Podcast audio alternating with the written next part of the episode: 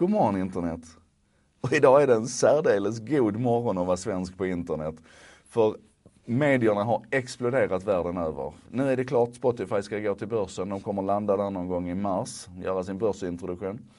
Um, och då har man börjat släppa lite publika papper runt detta nu. Bland annat ett amerikanskt dokument som heter F1.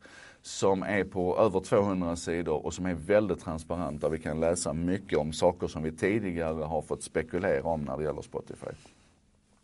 Vi kan till exempel konstatera att man är den överlägset största musiktjänsten på nätet. 71 miljoner premiumprenumeranter, det är mer än dubbelt så många som tvåan, Apple. Även om Apple Music håller på att knapra in lite grann på Spotifys försprång. Det är ett av orosmomenten. 160 miljoner användare genomsnitt, aktiva användare en månad.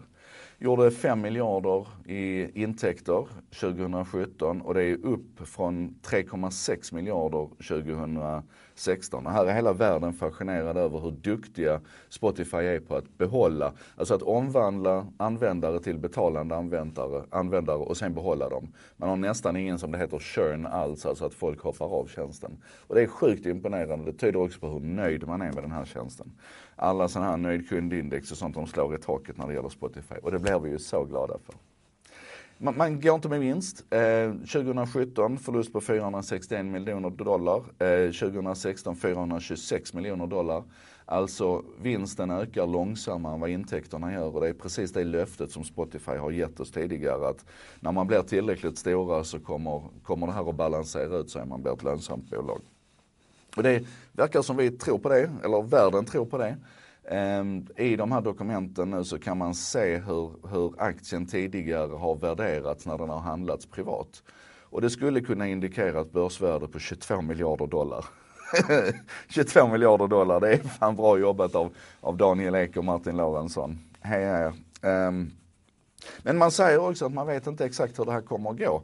För att Spotify gör en jätteovanlig grej med sin IPO, sin, sitt initial public offering, alltså sitt när man nu går till börsen. För normalt sett när man börjar sälja en aktie på börsen så har den handlats redan innan i stor omfattning från företaget direkt.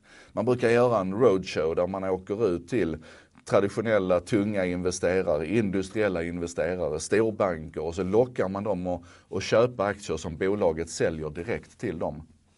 Och det här ser ju till att ett, så får bolaget själv in pengar och två, att när man väl lanserar det på marknaden sen så finns det ett antal tunga krafter som hjälper till att stabilisera aktien.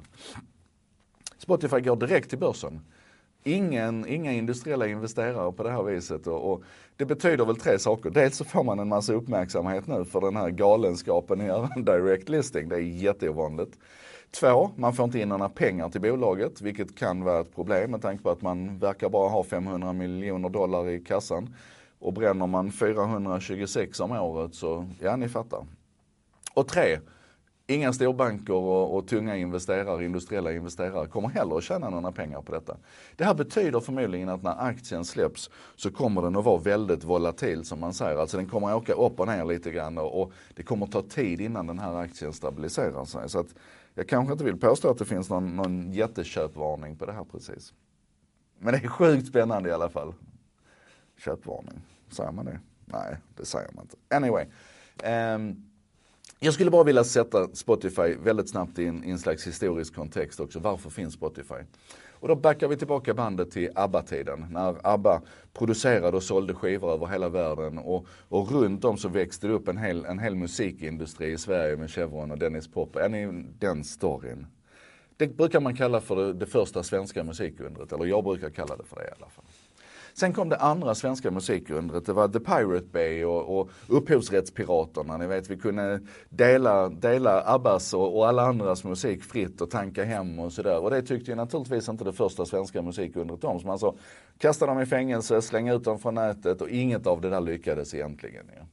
Så det andra svenska musikundret handlade om teknik. Om vi då kan musik och vi kan teknik och vi bestämmer oss för att gå framåt istället för bakåt. Vad blir då det naturliga resultatet? Jo, Spotify. Spotify är det tredje svenska musikundret och det bygger på den historia vi har i Sverige av att kunna musik och kunna teknik. Och det är precis så här jag tycker vi ska titta på alla andra marknader också.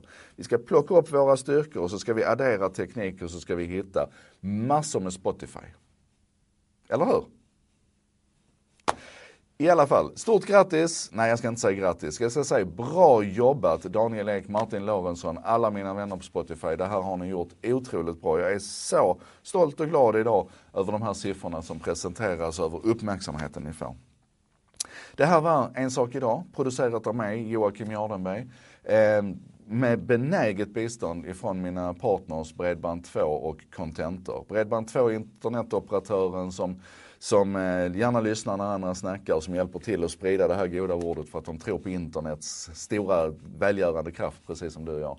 Och sen så är det Contentor som hjälper till att texta och översätta det här. De jobbar med redaktionellt innehåll för, anpassat för internet, modern marknadsföring och översättning. Och fram emot lunch så ser de till att det finns både svensk och engelsk textremsa på en sak idag.